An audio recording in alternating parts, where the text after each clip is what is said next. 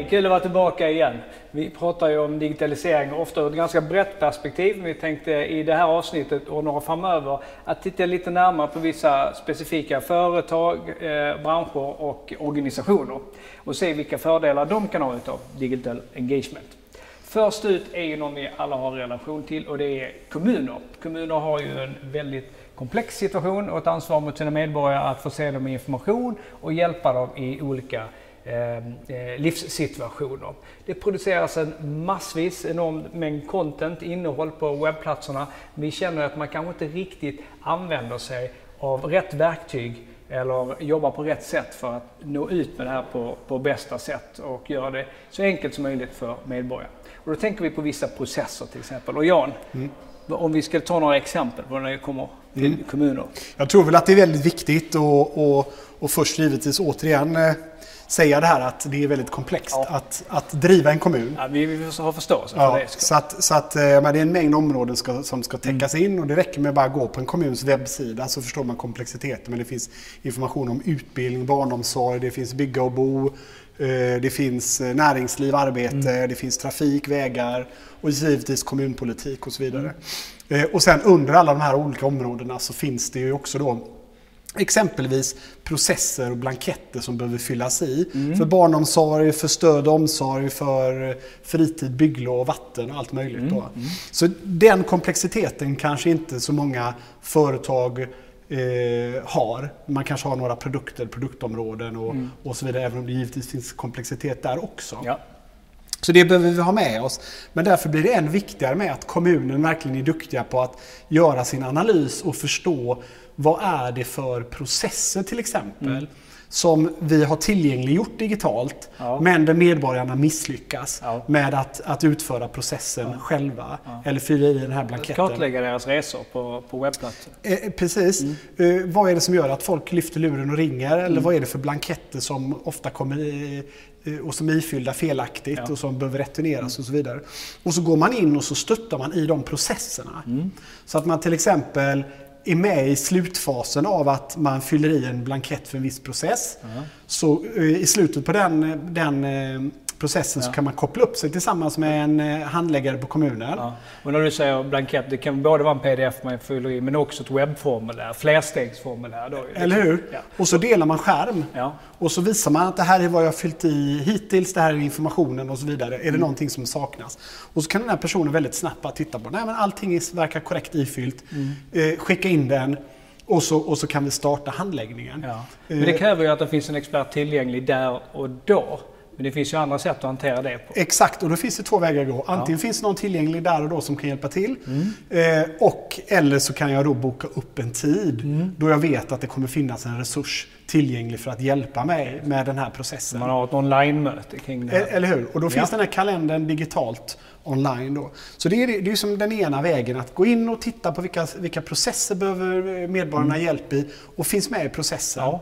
Men eh. låt säga att jag ringer ändå, för ofta är det så att av de här 290 kommunerna så frontar, frontar man ofta telefonnummer som en livlina. Ja. Men om man då ringer in, det är ju inte hoppet ute ändå för att man ska kunna assistera. Nej, och förvånansvärt många kommuner ja. frontar ju fortfarande telefonnummer ja. och sin besöksadress och e-post. Då. Eh, och, och, det man kan göra då är att okej, okay, om nu medborgaren, kommuninvånaren ringer in ja. och håller på med en process som yes. är digital eller EOL söker information på, på, på webbsidan. Då finns det en lösning som, som vi kallar för Phone to Digital. Mm. Så det man gör då är att handläggaren på kommunen eller den som jobbar på kundservicen på kommunen mm. ger mer, besökaren en kod via telefon. Okay. Som man knappar in, mm. förutsatt att givetvis besökaren också sitter vid sin dator eller sin iPad till exempel. Knappar in den här koden och så kan man titta på samma skärm. Mm. Så då kan, då kan ju handläggaren på kommunen eller kundservicemedarbetaren på kommunen mycket, mycket enklare förstå vad är det för någonting personen behöver hjälp med. Var i processen har man fastnat? Varför hittar man inte informationen? Mm. Och kan så då stötta medborgarna att hitta informationen eh, ja. själv nästa gång. Då. Mm. Det låter mycket smart. Om vi går tillbaka till med bokade möten igen. Det måste finnas massvis med fördelar med att göra det online. Ja, det gör det. Alltså det, och det har vi pratat om innan. Det finns en miljöaspekt. Mm. Man behöver inte resa. Det finns en, en kostnadsaspekt. Mm. Som till exempel eh, när man söker bygglov. Istället för att åka in till kommunen med sin arkitekt, med sin byggare och sitta där med bygglovshandläggaren. Så bokar man upp ett digitalt möte. Arkitekten kan sitta på sitt kontor, jag kan sitta hemma. Byggaren kan, kan vara på sitt kontor. Ja. Och så möts vi digitalt. Ja. Och kan köra video, skärmdelning, dela ritningar och så Ja, vidare.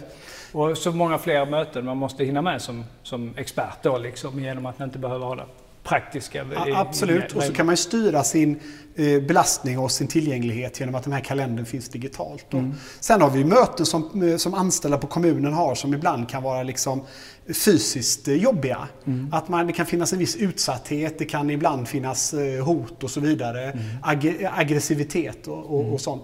Och det slipper man ju helt. I alla fall att liksom känna det verkligen nära, att ha Mm. personen framför sig. Då kan man också mötas digitalt. Man bokar upp de här personerna som ska vara med i mötet. Mm. Man ser, man sker, det, det sker digitalt och då på, på ett fysiskt Mm. säkert avstånd. Då.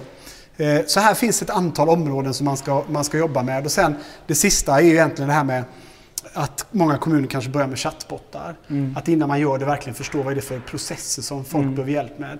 Man kanske inte bara behöver hjälp med att få reda på att man kan boka en borgerlig vigsel utan man måste också kunna boka Ja. eh, den i, i, i chattbotten i så fall. Ja. Eh, och att man inte plockar bort content som finns från webbsidan och stoppar in det i botten. Nej. Därför att då kommer inte Google Search kunna, kunna använda det som redan finns som content på Ja. webbsidan. Eller så tvingas man göra ett stort dubbelarbete när man både har informationen på sidan och ska lära upp en botten. Exakt. Innan, ja. Men de flesta börjar sin resa på Google. Man skriver Ja, sophämtning just i, i, eh, i Kungsbacka kommun.